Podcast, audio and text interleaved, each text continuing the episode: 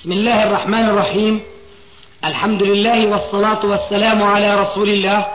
أما بعد فهذا أحد أشريطة سلسلة الهدى والنور من الدروس العلمية والفتاوى الشرعية لشيخنا محمد ناصر الدين الألباني حفظه الله. نسأل الله أن ينفع به الجميع. والآن مع الشريط الثاني والسبعين على واحد. وشيء آخر وأهم. الآية لها تتمة. وعلى جنوبهم ويتفكرون في خلق السماوات والأرض. عمرهم ما بيفكروا فكرهم فقط منصب على ذكرهم. وليت هذا الذكر كان على وجه مشروع كما ذكرنا. فهم يعني أعرضوا عن العمل بالآية من أولها إلى آخرها. لأن من تمامها وعلى جنوبهم ويتفكرون في خلق السماوات والأرض. لذلك جاء في صحيح مسلم أن النبي صلى الله عليه وسلم كان إذا قام من الليل رفع رأسه إلى السماء وقرأ هذه الآية. هذا من السنة. إن في خلق السماوات والأرض واختلاف الليل والنهار لآيات لأولي الألباب الذين يذكرون الله قياما وقعودا وعلى جنوبهم ويتفكرون في خلق السماوات والأرض. ربنا ما خلقت هذا باطلا سبحانك فقنا عذاب النار. هو مبتدع. كما سمعت أيا جيل ابتداع شر جيلي لقد جئت بشر مستحيل. أفي القرآن قال لكم إلهي كلوا مثل البهائم وارقصوا لي. لا إله إلا أنت. وإياك نعم. قلنا أن الشيخ عبد القادر الجيلاني متمسك بالكتاب والسنة. فما معنى صوفيته. لأفهم ما معنى الصوفية لرجل متمسك بالكتاب والسنة. ما هي الصوفية؟ لرجل تمسك بالكتاب والسنة. وأصل بعدها هل ممكن أن يكون سلفي صوفي أو صوفي؟ سلفي على حسب تفسير الصوفية. آه. نعم. لما تجادل صوفية آخر الزمان بيقولوا بس هني غير صادقين. بيقولوا يا أخي شو بتنكر علينا. الصوفية هو الأخلاق التي جاء بها الإسلام والسلوك الذي جاء به الإسلام. نحن نقول إذا فسرتم الصوفية بهذا المعنى فمعنى ذلك أنكم على الكتاب والسنة. لكن أنتم لا تقفون عند الكتاب والسنة بل تزيدون على ذلك أشياء سواء من حيث المبالغة في الزهد كما ذكرت آنفا أو الانحراف في السلوك في الذكر مثلا ونحو ذلك وترهب والإعراض عن نعم الدنيا والتمتع بها. يقولون رقابة يعني بيهتموا بالباطن شوي. معليش إذا كانوا في حدود الشرع فنحن نرحب بهذه الصوفية. لكن أنا لا الصوفية ليس لها دلالة محددة النطاق بحيث أنها ترفع الخلاف. وعلى العكس نحن نقول كلمة صوفية دخيلة في الإسلام لفظا على الأقل. معليش. لفظا على الأقل. المعنى كل مين بيعطي لهذا اللفظ معنى. ولا تجدهم يتفقون على معنى واحد. حتى نقول هذا المعنى يطابق الكتاب والسنة فإذا إذا كان هذا المعنى هو المقصود بالصوفية فأهلا وسهلا. لكن لا يوجد هذا بين أيدي القوم إطلاقا. في عندك مثلا كتاب حقائق عن الصوفيين لمن بلدنا هذا؟ طيب.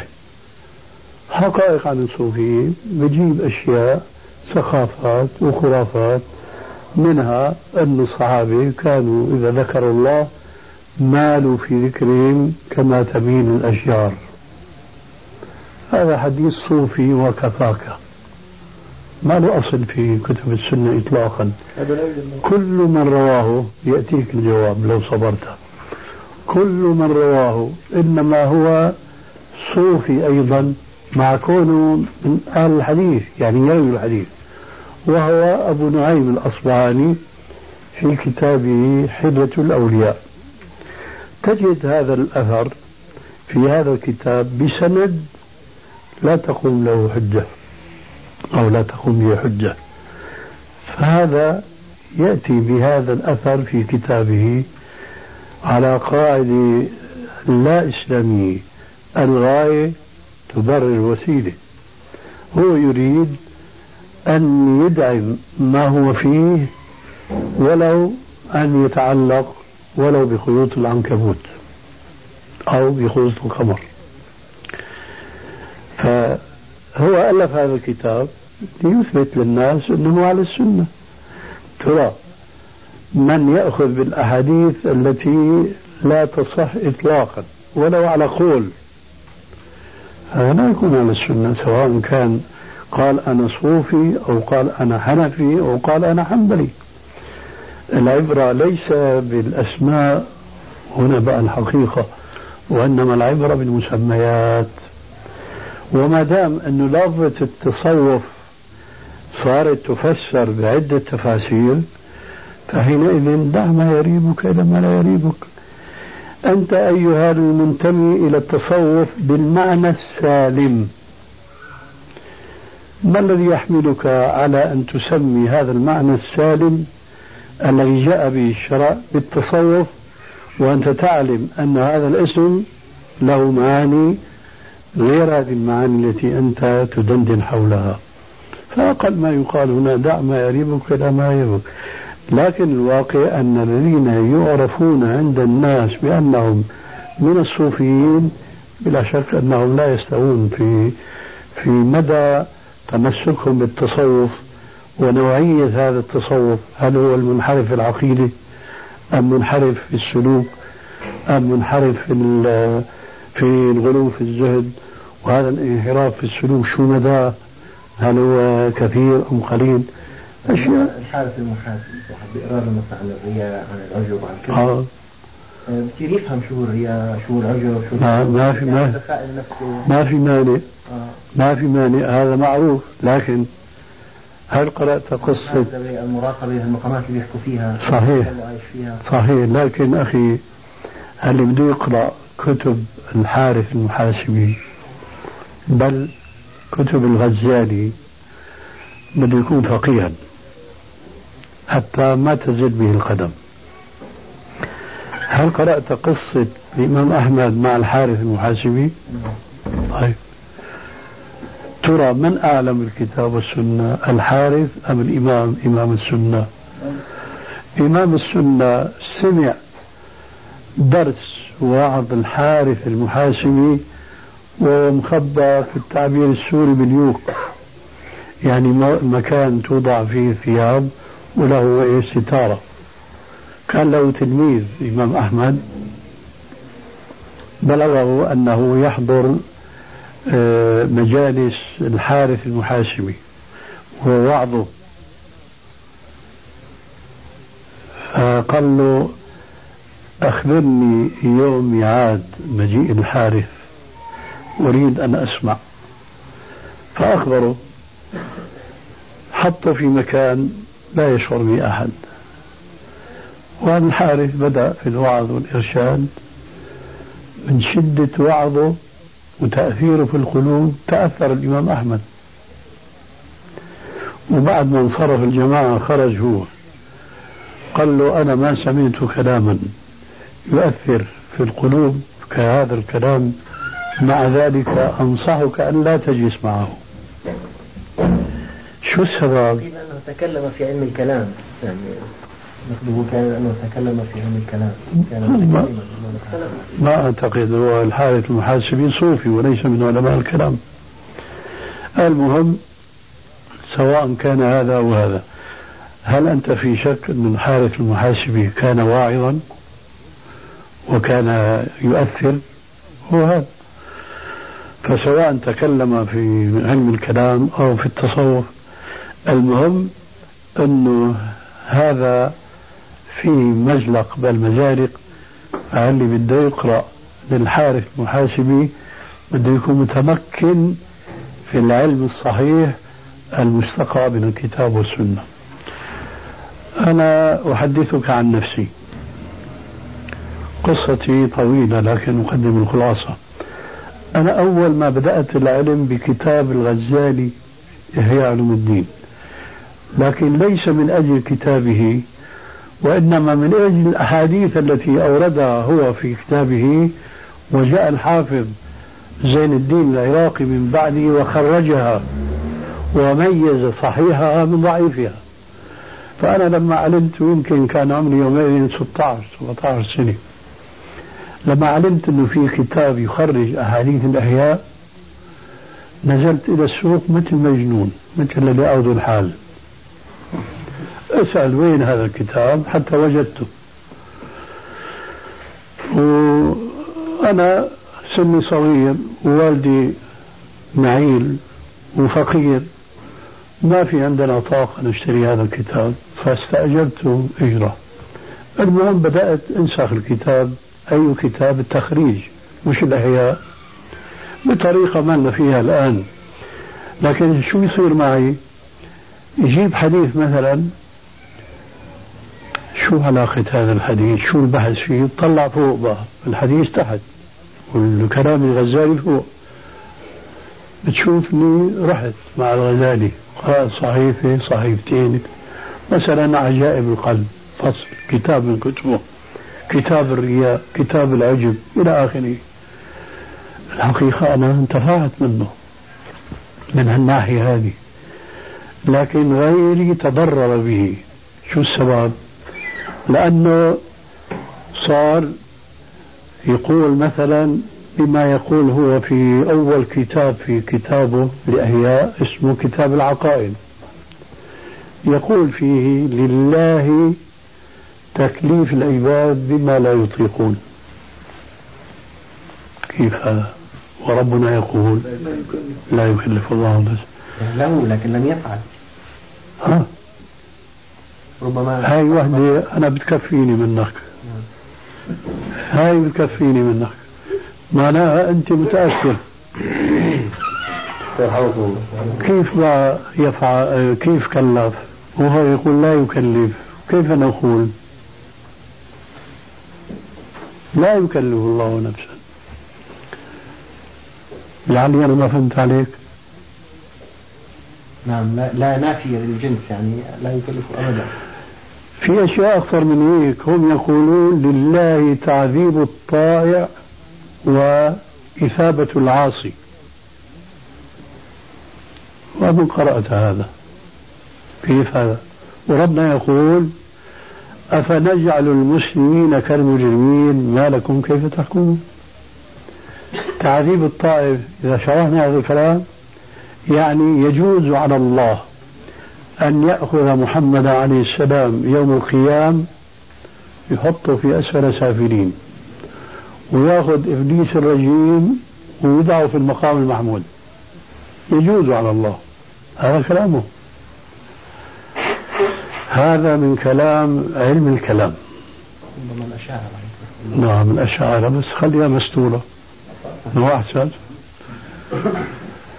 إيه والله أستاذ إذا سمحت سيدنا الشيخ بالنسبة للصوفية اللي نجعلها نعم. أنا سامع تعبير أنه لا صوفية في الإسلام. نعم. وطبعا آه، في قول قرأت أن الصوفية أخذت عن الديانة اليهودية وقول عن الرهبنة في المسيحية بدي أسأل ماذا آه، حكمكم على الوهابية اللي تحرم الصوفية والأولياء والمزارات وهالشغلات هاي وتأخذ بالسنة كما يعني نقرأ عنها بالسنة الصحيحة. هل هي أقرب شيء إلى السنة الصحيحة؟ عشان كيف هم منك كلمة بالما جاوبك إنه الاولياء بينكروا الاولياء يعني؟ لا المعابد هاي آه هو الشغلة. مش مش ينكر وهم لا بدي بزيارة بدي توضح لي لحتى ما أفهم أنا أو غيري. يعني هو إلى ما تقصد. لا يؤمن بزيارة الأولياء. يعني مثل ما في مصر السيد البدوي والسيدة زينب والسيد آه، الحسين ومش عارف إيه هاي الزيارات والتبرك فيها ما بيؤمنوا فيها. نعم. أو يحرموها حتى. اي نعم. ولكن يمشوا على السنة اللي يفهموها بأنه الصلاة والصيام في مواقيتها والصوم والحج. الشغلات الرئيسية في الإسلام. نعم. طبعا الصوفية ما ما بيعتقدوا فيها كمان إيه نعم. هل هي أقرب شيء آه بلا شك أنا بريد قبل ما جاوبك أني ألفت نظرك ونظر الإخوان في ناس بيقولوا عن أنفسهم نحن صوفيون لكن لا يوجد ناس يقولون عن أنفسهم نحن وهابيون وحينئذ فلا ينبغي نحن أن ننبذ ناسا من الناس بلقب هم لا يتبنونه. إذا قلت للشيعي أنت شيعي يقول لك إلى الفخر. إذا قلت للشيوعي أنت شيوعي ما بينكر. إذا قلت للصوفي أنت صوفي بيقول لك نعم أنا صوفي. لكن لا يوجد على وجه الأرض من يقول أنا وهابي. هذه حقيقة تأريخية يجب أن نكون منها على بينة. بعد ذلك أجيب عن سؤالك بعد هذا التنبيه. الناس اللي بيقولوا عنهم من لا يعرفون حقيقة أولئك الناس وهابية. هؤلاء يقولون عنهم ما لا يعتقدون. مثلا أنت آنفا نقلت بأنهم ينكرون زيارة الأولياء. ما ينكرون زيارة الأولياء. ما ينكرون زيارة المؤمنين كافة. لكن ينكرون ما يقع من بعض الجهلة عند زيارة قبور والحقيقة أن هذا خطأ ولا مؤاخذة أنت قد تكون ناقلا. وناقل الكافر ليس بكافر. وناقل الخطأ ليس بمخطئ. لكن هذا الخطأ مسطور يعني قرأناه في عديد من الرسائل أنه هذول اللي بيقولوا الناس عنهم وهابية بينكروا زيارة القبور. لعلكم جميعا تعرفون أن هؤلاء الناس الذين لا يقولون عن أنفسهم نحن وهابيون وإنما الناس هم الذين يقولون عنهم وهابية. هم لا يعود تاريخهم إلى أكثر من 200 سنة لأنه أتباع محمد بن عبد الوهاب. هذا الذي يقوله محمد بن عبد الوهاب وجماعته إلى اليوم المعروفين النجديين أو السعوديين هؤلاء ولدوا بعد ابن تيمية بنحو تقريبا 400 سنة 500 سنة. فابن تيمية يقول بقولهم وبالمعنى بالمعنى الأدق هم يقولون بقول ابن تيمية. فهل ابن تيمية وهابي وهو وجد قبل محمد بن عبد الوهاب بثلاث أربع قرون؟ طبعا لا. نعم. هو على أساس هو مؤسس المذهب عندهم هم ما بدهم الشرعية الوهابية عندهم. لكن تعاليمه اللي مشيت لحد الآن أساس إنها هي السنة الصحيحة. اعتقدوا هيك إنه هي السنة الصحيحة. صحيح. إحنا معك لكن أما هي التسمية مش واردة التسمية. وهو فعلا مثل ما تفضلت مأخوذ عن ابن تيمية. هو كذلك. إيه أنا بعتقد الوهابية يختلفون عن سائر المسلمين في شيء. نحن ما بدنا نسائر الناس والاسم أما نحن ما نعتقد هذه الكلمة لأن الحقيقة يقول قائلهم إن كان تابع أحمد متوهبا فأنا المقر بأنني وهابي. هذا على وزان ما روي عن الإمام الشافعي حين قال إن كان رفضا حب آل محمد فأنا إيش؟ فأنا بأني رافضي. فأنا ما, ما فيكم شاعر يصح أن الوزن هذا. إن كان رفضا حب آل محمد فليشهد الثقلان أني رافضي. آه. فهو اقتبس منه فقال إن كان تابع أحمد متوهبا فأنا المقر بأنني وهابي. الجماعة النجديين هذول هل بيقولوا عنه وهابي يلتقون مع المسلمين في أصول التمذهب كما أنه غالب المسلمين اليوم إما حنفية أو مالكية أو شافعية أو حنابلة النجديين دون حنابلة. فهم كسائر المسلمين تماما في التمذهب. يختلفون عن سائر المسلمين في ناحية هامة جدا وهي فهم التوحيد فهما صحيحا. فهم لكلمة لا إله إلا الله فهما منجيا لقائله من الخلود في النار يوم الله. لأنه قد جاء في القرآن الكريم كما نعلم جميعا إن الله لا يغفر أن يشرك به ويغفر ما دون ذلك لمن يشاء. أن يشرك به اليوم أكثر المسلمين لا يعرفون أنواع الشرك التي تخل بعقيدة لا إله إلا الله. بخلاف النجديين فقد درسوا هذه العقيدة دراسة دقيقة جدا. الأطفال الصغار منهم يعرفون هذه العقيدة ما بأحسن ما يعرفنا الكبراء منا. فهم الحقيقة في مسألة التوحيد قدوة للناس جميعا. لكن من الناحية المذهبية هم مذهبيون. نحن نلتقي معهم في التوحيد نختلف عنهم في التمذهب.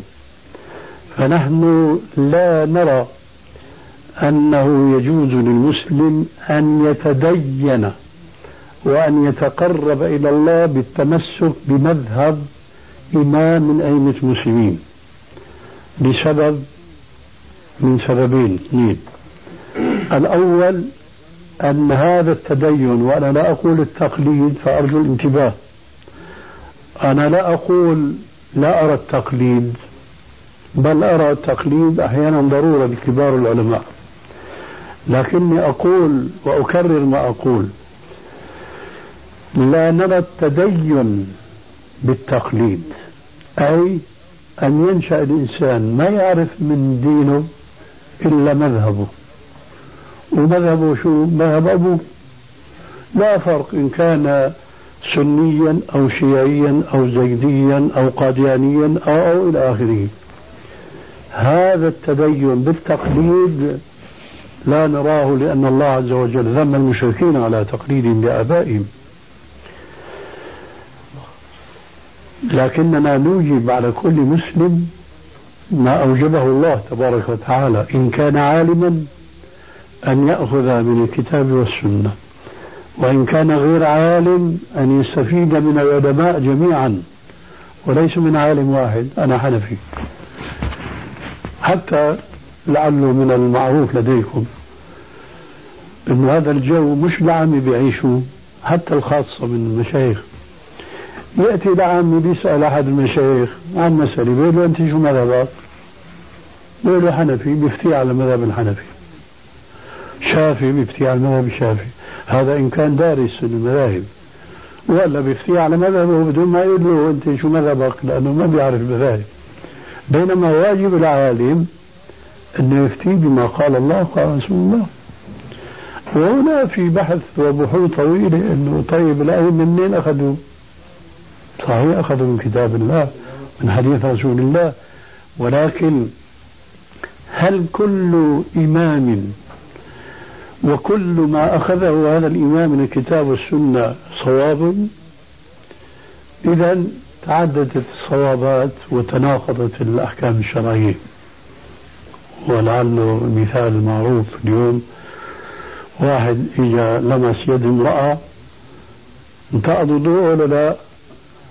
في المسألة قولان. بل ثلاثة أقوال. انتقد وما انتقد.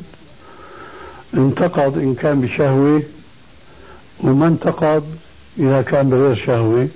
في قول ثالث إن كان آه هذاك في خروج الدم. وأنا في مثل قولين بس إن كان لمس بشهوة نقض وإلا فلا. والقول الثاني ما ينقض مطلقا. أما خروج الدم في ثلاث أقوال. ينقض مطلقا سواء كان كثيرا أو قليلا. وهذا مذهب الحنفية. آه مذهب الشافعي لا ينقض مطلقا سواء كان قليلا أو كثيرا. مذهب الحنابلة إن كان كثيرا نقض وإن كان قليلا لم ينقض. هذه أقوال أئمة بلا شك قالوها باجتهاد وهم مأجورون على كل حال. لكن هل هذه الأقوال الثلاثة المتناقضة ممكن أن تكون وحي من السماء؟ هذا مستحيل. لأن الله عز وجل مما وصف به كتابه تبارك وتعالى بقوله ولو كان من عند غير الله لوجدوا فيه اختلافا كثيرا فوجود الاختلاف الكثير في المسألة الواحدة دليل أن هذا الاختلاف ليس من الله عز وجل. إذا من أين هذا الاختلاف؟ اجتهاد من الأئمة فمن أصاب منهم له أجران ومن أخطأ فله أجر واحد. لذلك نحن ما نرى أن الإنسان يتدين بتقليد مذهب لأنه بيجوز يكون المذهب الثاني في مسألة ما أصح من المذهب اللي هو عاش عليه. فجماعة النجديين هؤلاء الذين يقال عنهم وهابية هم في العقيدة لا يؤخذ عليهم شيء أبدا لكن من حيث التمذهب فهم كسائر المسلمين. إلا طبعا أفراد كما هو في كل المذاهب علماء فحول يدرسون الشريعة على ضوء الكتاب والسنة ويفتون بما يعلمون من الكتاب والسنة. فهؤلاء قلة هنا وهناك في كل البلاد. لكن ك كأمة أو كشعب بمعنى أصح لغة الشعب النجدي حنبلي والشعب مثلا تركي حنفي والشعب المغربي مالكي والشعب السوري والأردني والمصري حنفي وشافي يعني هيك وهيك إلى آخره. ف لكن هذول الجماعة النجديين يتقول عليهم كثيرا بسبب أنه عقيدتهم في الواقع على الكتاب والسنة وبيخالفوا جماهير العلماء المسلمين آنيا في كثير من المسائل منها ما سبق ذكره آنفا عرضا وهم لا يقولون بأن الله عز وجل يكلف عباده ما لا يطيقون لأن هذا نص القرآن الكريم. لا يقولون يجوز على الله أن يعذب الطائع ويثيب العاصي مع أن هذا يقوله كثير من علماء الكلام. ما أدري إذا كنت أجبتك عن سؤالك. أهلا مرحبا. آه الأولياء. عفوا بقي كلمة حول الأولياء والصالحين فعلا. آه كثير من المسلمين اليوم ليس فقط آه، في في مصر كما أنت أشرت حتى في سوريا وربما هنا في مقامات يدعى أنه فيها يعني مدفون أولياء أو صالحين. ف يقصدون بقصد قضاء الحوائج. يتبركوا بيربطوا الخرق بيعقدوا الخرق مشان الوري يتذكروا عند ربه ويطلب منه الحاجة يقضي له إياها. هذه كلها تنافي كلمة طيبة لا إله إلا الله لأن معنى لا إله إلا الله لا معبود بحق في الوجود إلا الله. فالمسلم حينما يأتي يزور القبر ويطلب منه المدد يطلب منه المعونة والشفاء ونحو ذلك هذه كلها شركيات وثنيات يحاربها النجيون أشد المحاربة. لأن كتاب الله قام على ذلك. من الحقائق العلمية التي يغفل عنها المسلمون اليوم إلا القليل منهم أننا نجهل نوع الشرك الذي كان فيه المشركون الذين بعث إليهم الرسول مباشرة وقاتلوه فقاتلهم. شنو شركهم؟ يتوهم الكثير أن هؤلاء كانوا ينكرون وجود الله. هذا خطأ. هم كانوا يؤمنون بوجود الله تبارك وتعالى. لأنه صريح القرآن يقول إيش؟ لا لا لا لا. ولئن سألتهم ولئن سألتهم من خلق السماوات والأرض ليقولون الله. يصرحون بأن الخالق واحد لا شريك له. وهذه آية من آيات كثيرة تحكي عنهم إيمانهم بأن الخالق واحد. إذا ما هو كفرهم؟ قال تعالى في الآية الأخرى والذين اتخذوا من دونه أولياء ما نعبدهم إلا ليقربونا إلى الله زلفى. فإذا هم غايتهم الله. وحينما اتخذوا الآلهة من دون الله جعلوه وسيلة توصلهم وتقربهم إلى الله تبارك وتعالى. فمن الجهل الفاحش المقيت أن المسلمين يظنوا أن الرسول عليه السلام كان الخلاف بينه وبين المشركين أنهم كانوا ينكرون وجود الله. لا أبدا. وإنما كانوا ينكرون ألوهية الله. ليس ربوبية الله. لا يؤمنون بالوحدانية. بس أرجوك ما تستعجل شوي. لأنه التوحيد عند أهل العلم ثلاث أقسام. توحيد الربوبية توحيد الألوهية وبعضهم يعبر بتوحيد العبادة وهذا أوضح بالنسبة لعامة الناس. النوع الأول توحيد الربوبية ثاني توحيد العبادة توحيد الأسماء والصفات. ثلاث وفرت في عقيدة مسلم أو موحد حقا. وهو الفاهم لمعنى لا إله إلا الله. فاعلم أنه لا إله إلا الله بنص القرآن الكريم. فمن آمن بالتوحيد الأول شو هو؟ توحيد الربوبية. والمعني بتوحيد الربوبية يعني توحيد الخالقية. يعني ما في خالق مع الله. كما سمعتم آنفا نص القرآن حكاية عن المشركين. ولئن سألتهم من خلق السماوات والأرض ليقولون الله. بيقولوا العزة ومناة لا الخالق واحد عندهم. لذلك كان من ضلالهم في تلبيتهم حول بيت ربهم يقولون لبيك لا شريك لك لبيك لا شريك لك إلا شريكا تملكه وما ملك. شوف الضلال هذا. تملكه وما ملك. شو الشريك هذا؟ هذا شريك في العبادة أي إنهم كانوا يعبدون غير الله. والذين اتخذوا من دونه أولياء ما نعبدهم. يعترفون. وعليكم السلام ورحمة الله وبركاته. يصرحون. بأنهم يعبدون هؤلاء الأولياء والصالحين. لكن لماذا يعبدونهم؟ لأنهم يستحقون العبادة من دون الله؟ لا ما نعبدهم إلا ليقربونا إلى الله زلفى. إذا هذول كفروا بتوحيد العبادة القسم الثاني توحيد العبادة ما آمنوا لأنهم عم يعبدوا غير الله.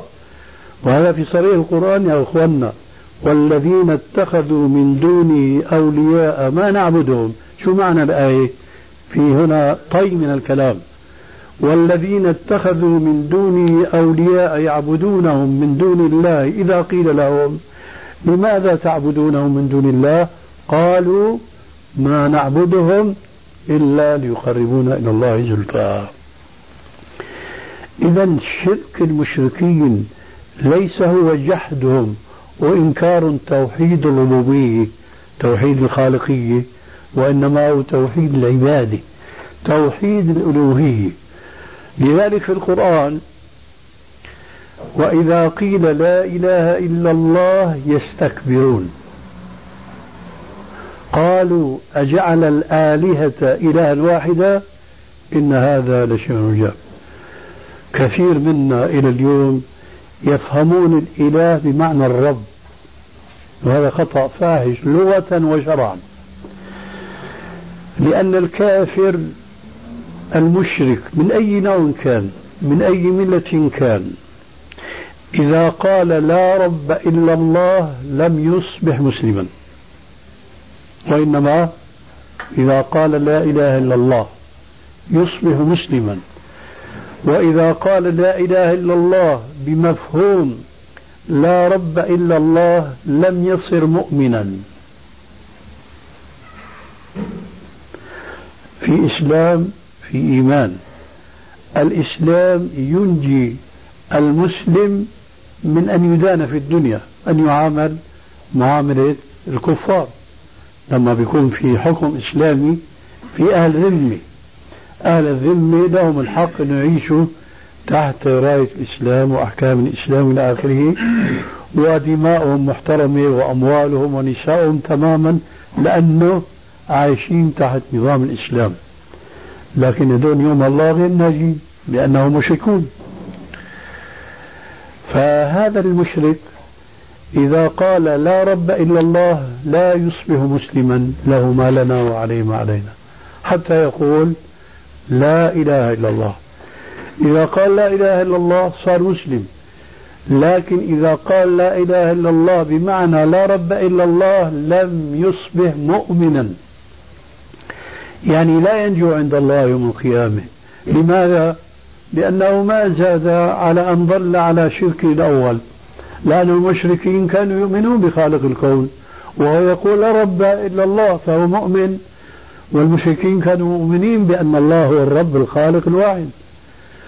وماذا طلب منهم رسول الله أن يعبدوا الله وحده لا شريك له؟ وهم باعتبارهم عرب لما يقول لهم قولوا لا إله إلا الله يستكبرون بصريح القرآن وإذا قيل لا إله إلا الله يستكبرون. ليه؟ لأنه بدنا نخالف آبائنا أجدادنا هكذا وجدنا آبائنا على أمة. ولذلك قالوا متعجبين أجعل الآلهة إله واحدا؟ ما قالوا أجعل الرب ربا واحدا يا أخواننا بل هم كانوا يؤمنون بالرب الواحد. لكن ما كانوا يؤمنون بالإله الواحد. وأظن الآن وضح لكم المقصود بالإله الواحد المعبود الواحد. ما كانوا يؤمنون بالمعبود الواحد. كانوا يعبدون مع الله. آلهة أخرى ويصرحون بقولهم السابق الذكر ما نعبدهم إلا ليقربونا إلى الله زلفى. فإذا توحيد الربوبية وحده لا يكفي ولا ينجي لأن المشركين كانوا يؤمنون بهذا التوحيد وإنما كان كفرهم بتوحيد العبادة أو توحيد الألوهية هو شيء واحد. أما توحيد الأسماء والصفات فهذا أبعد عن العرب لأنه كانوا يعيشون في الجاهلية. كثير من المسلمين اليوم اللي ما درسوا التوحيد تلك الدراسة الدقيقة يقعون في هذه الإشكالات فيقولون لا إله إلا الله أي لا رب إلا الله. هذا تفسير قاصر خاطئ لا ينجو به المسلم من عذاب الله. ولا تشمله المغفرة في آية سابقة إن الله لا يغفر أن يشرك به ويغفر ما دون ذلك لمن يشاء. فإذا كما أن التوحيد ثلاثة أنواع فالشرك أيضا ثلاثة أنواع. كل توحيد من هذه التوحيدات الثلاث يقابله شرك. توحيد الربوبية ينافيه نفي الخالقية كما هو مذهب الدهريين والشيوعيين وأمثالهم توحيد العبادة يقول به كل من يؤمن بالخالق لكن لا يؤمن بالإسلام لأن الإسلام هو اللي يوضح هذه العقيدة عقيدة التوحيد بهذه الحقائق الثلاث.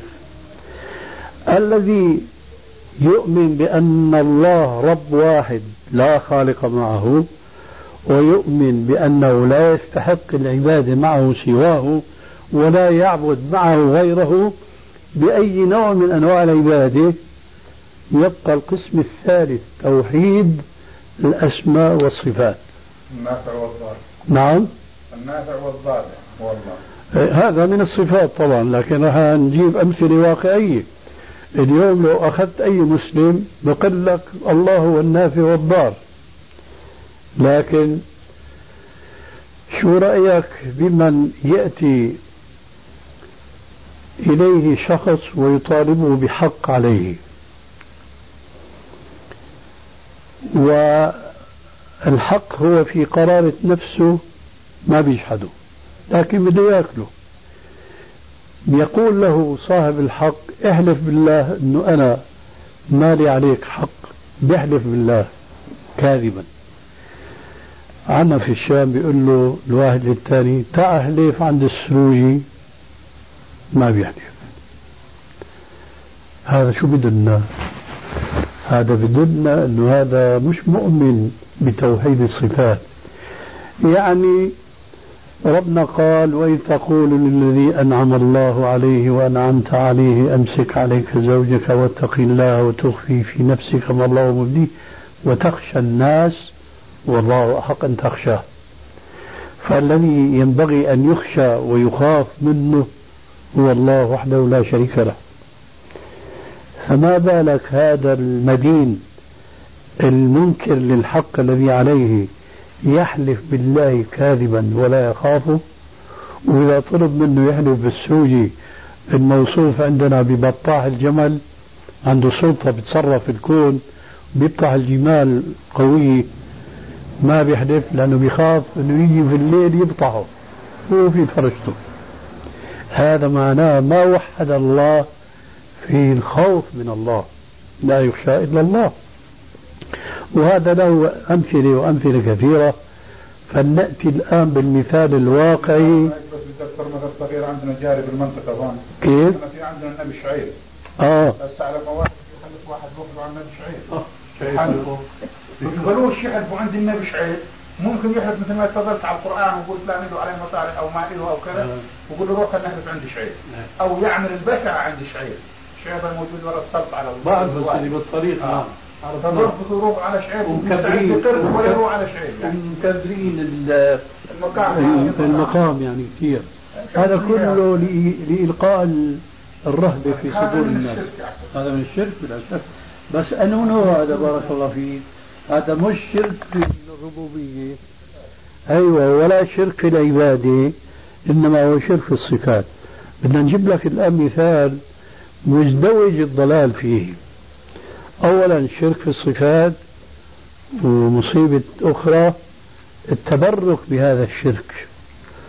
أظن أنكم جميعا تسمعون بالإمام البوصيري الذي له قصيدة في مدح الرسول عليه السلام البردة نعم.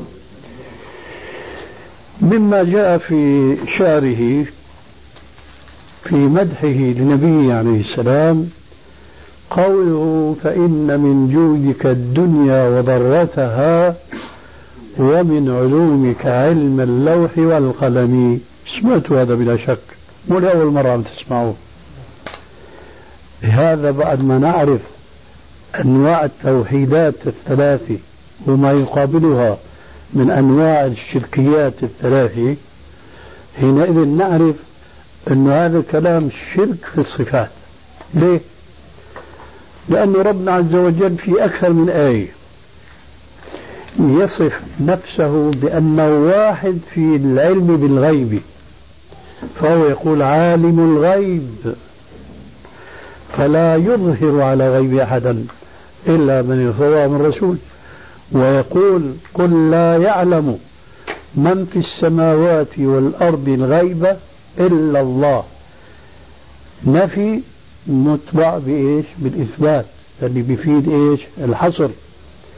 لا يعلم من في السماوات والأرض الغيب إلا الله.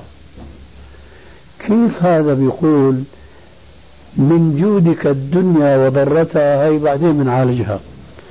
ومن علومك علم اللوح والقلم. وفي الحديث الصحيح أول ما خلق الله القلم. فقال له اكتب. قال ما أكتب؟ قال اكتب ما هو كائن إلى يوم القيامة. إذا كان الرسول يعلم ما هو كائن إلى يوم القيامة صار شريك مع الله في علمه الغيب. ونحن عم نقرأ في القرآن لا يعلم من في السماوات والأرض الغيب إلا الله. لكن ما وقف صاحبنا البوصيري عند هذا بل قال هذا بعض علمه عليه السلام لأنه هذه من تبعيضية عند النحويين. فإن من جودك الدنيا ما قال فإن جودك الدنيا وضرتها وعلمك علم الله قال فإن من جودك الدنيا وضرتها ومن علومك علم الله والقلم. هذا الشرك في الصفات ورفع الرسول عليه السلام إلى مقام الإله في الصفة في العلم بالغيب. وهذا كفر القرآن. فما بالك نحن بنحط المشربية فيها ماء وبنقرأ عليها البردة هذه وفيها مثل هذا الشرك مشان نداوي فيها مرضانا. هذا بيمرض المريض بزيادة ما يشفى لأن هذا طرح عليه روح الشرك والضلال لو كانوا يعلمون. ولذلك الحقيقة شرح التوحيد اللي هو مدار كله حول الكلمة الطيبة لذلك قال عليه السلام أمرت أن أقاتل الناس حتى يشهدوا أن لا إله إلا الله فإذا قالوها فقد عصموا مني دماءهم وأموالهم إلا بحسابها وحقهم إلا بحقها وحسابهم على الله. فهذه الكلمة حينما تفهم فهما صحيحا بهذه المعاني الثلاثة المقابلة بمعاني ثلاثة أخرى. هذا الذي تشمله الأحاديث المبشرة والمرغبة على القول بالكلمة الطيبة كمثل قوله عليه السلام من قال لا إله إلا الله دخل الجنة. قال لا إله إلا الله بمعنى لا رب إلا الله دخل النار مش الجنة. قال لا إله إلا الله بالمفهوم الصحيح للعبادة والألوهية والربوبية ومع منافاته وابتعاده عن الشركيات والوثنيات. وخلينا هلا ندخل كمان بواقع ثاني وإن كان دون الأول. الأول شرك صريح. شو رأيكم عالمنا الإسلامي اليوم يحلفون الكبير الصغير بغير الله عز وجل مع أن النبي صلى الله عليه وسلم كان يقول من حلف بغير الله فقد أشرك كم وكم من ناس هذا بيحلف براسه وهذا بيحلف بشواربه ويمكن ما له شوارب إلى آخره. هذه كلها شركيات. لا يأبهون لها. إطلاقا. ليه؟ ما في مذكر. الناس في غفلة يعني أحسن منها غفلة أهل الكهف ثلاثمائة سنة وازدادوا تسعة. لماذا؟ ما في مذكر ما في معلم خاصة حول ما يتعلق بالتوحيد. فمثل الحلف بغير الله هذا يجب على المسلمين ينتهوا منه. ما يحلفون إلا بالله لأنه الأمر كما قال عبد الله بن مسعود رضي الله عنه شوفوا السلف كيف فهموا.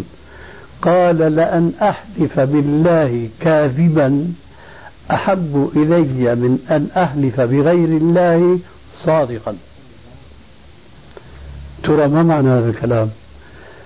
الكذب هو كبيرة من الكبائر. الكذب بصورة عامة لكن هو يحلف كاذبا بالله. هذا أكبر وأكبر. مع ذلك يقول لأن أحلف بالله كاذبا أحب إلي من أن أحلف بغير الله صادقا. هل بيفهم التوحيد بالمعنى الصح السابق بيانه؟ يسهل عليه فهم هذه الكلمة السلفية كلمة صدرت من عبد الله بن مسعود رضي الله عنه لأنه الحلف بغير الله صادق شرك. أما الحلف بالله كاذبا فهو كبيرة معصية يعني. لذلك دار الأمر عنده بين أن يحلف بالله كاذبا وبين أن يحلف بغير الله صادقا. لا بين لك الحلف بغير بالله كاذبا أهون عنده من أن يحلف بغير الله صادقا. ذلك لأنه شرك. وقد قال عليه السلام من حلف بغير الله فقد أشرك. في من هذا النوع أيضا أشياء كثيرة بس ما أدري إذا كان مستعمل عندكم مثله ربما لأن البلاد قريبة بعضها من بعض. وأنا لسه ما تعودت على اللهجة الأردنية هنا عنا في بلادنا. بيقول الواحد بعد ما بكلفه بعمل وبينصف يصل أحد المعنى الثاني بيقول له ترى ما لي غير الله وأنت. ما لي غير الله وأنت في عندكم هيك تعبير أنتم؟ على الله على كثرة حتى الكثرة كمان تعتمد على الله وعليه آه هاي كمان موجودة عندنا. إكراما لله والجاه هذا كله من نوع الشرك. جاء في الحديث الصحيح أن النبي صلى الله عليه وسلم خطب في الصحابة يوما. فقام رجل من الصحابة فقال ما شاء الله وشئت يا رسول الله. قال اجعلتني لله ندا. قل ما شاء الله وحده. لكن أنا ما بستغرب أنه اليوم نقول نحن ما شاء الله وشاء فلان وما يقول ما شاء الله وحده. أو كما في الرواية الأخرى بيقول ما شاء الله وشاء فلان. ما بيقول ما شاء الله ثم شاء فلان. لأنه نحن عرب اسما لكن عاجب فعلا. ما عاد عرفنا لغتنا العربية الأصيلة نسيناها. مين من عامة الناس بيفرق بين ما شاء الله وفلان بين ما شاء الله ثم فلان؟ من ثم هي بتفيد يعني مرتبة ثانية أما الجواب لمطلق الجمع ولذلك أنكر الرسول عليه السلام على ذاك الرجل لما قال له يا رسول الله ما شاء الله وشئت. قال أجعلت لله ندا؟ قل ما شاء الله وحده. في رواية أخرى قل ما شاء الله ثم شئت. في حديث آخر عجيب. يأتي إلى النبي صلى الله عليه وسلم رجل من الصحابة يقول يا رسول الله رأيت البارحة في المنام بينما أنا أمشي في طريق من طرق المدينة لقيت رجلا من اليهود. فقلت له يا فلان نعم القوم أنتم معشر يهود لولا أنكم تشركون بالله فتقولون عزير بن الله. بيقول الصحابي فقال لي في المنام ونعم القوم أنتم معشر المسلمين لولا أنكم تشركون بالله فتقولون ما شاء الله وشاء محمد. ثم تابع طريقه فلقي رجلا من النصارى فقال له نعم القوم أنتم معشر النصارى. لولا أنكم تشركون بالله فتقولون عيسى ابن الله. فقال له النصراني ونعم القوم أنتم معشر المسلمين لولا أنكم تشركون بالله فتقولوا ما شاء الله وشاء محمد. هذه الرؤيا. قال له هل قصصت على أحد؟ قال لا. فصعد الرسول عليه السلام المنبر وجمع الصحابة. قال لقد كنت أسمع منكم كلمة تقولونها فأستحي منكم. فلا يقولن أحدكم ما شاء الله وشاء محمد ولكن ليقل ما شاء الله وحده. كل هذه الأشياء يا أخوانا داخلة ليس في شرك الربوبية ولا هو في شرك العبادة وإنما هو شرك في الصفات. ليه؟ عادة الإنسان الفطري يحلف بشيء حقير عنده ولا بشيء جليل؟ لا شك بشيء جليل. المفروض أن المسلم أجل شيء وأعظم شيء عنده هو الله تبارك وتعالى. فلما بيعرض عن الحلف به والإستعانة به إلى الحلف بعبد من عباد الله ليكن أبوه يكون جده شيخه أستاذه إلى آخره. معناها عظم هذا المخلوق دون الخالق. فأشرك في الصفة. هذه من دقائق ما يتعلق بعلم التوحيد وأكثر الناس غافلون. لذلك يجمع علماء المسلمين قاطبة أن الأنبياء والرسل أول ما بعثوا بعثوا أن يعبدوا الله واجتنبوا الطاغوت. هذه آية في القرآن تعرفونها كلكم. أن يعبدوا الله واجتنبوا الطاغوت. نادر جدا جدا أن يتعرض ربنا عز وجل لمعالجة موضوع إثبات الرب كخالق يعني. لأن الناس بفطرتهم يؤمنون. ولذلك لا تجدون أهل الأرض كلهم كالمشركين يؤمنون بخالق لكن يشركون بقى في نوع من الشركيات التي ذكرناها آنفا. ولذلك القرآن نادرا جدا ما عالج موضوع إثبات كونه موجود وكونه خالق. لكن كثيرا وكثيرا جدا عالج ناحية توحيد العباد كمثل الآية السابقة أن يعبدوا الله واجتنبوا الطاغوت. الطاغوت هو كل ما يعبد من دون الله. والعبادات أنواع وأنواع كثيرة.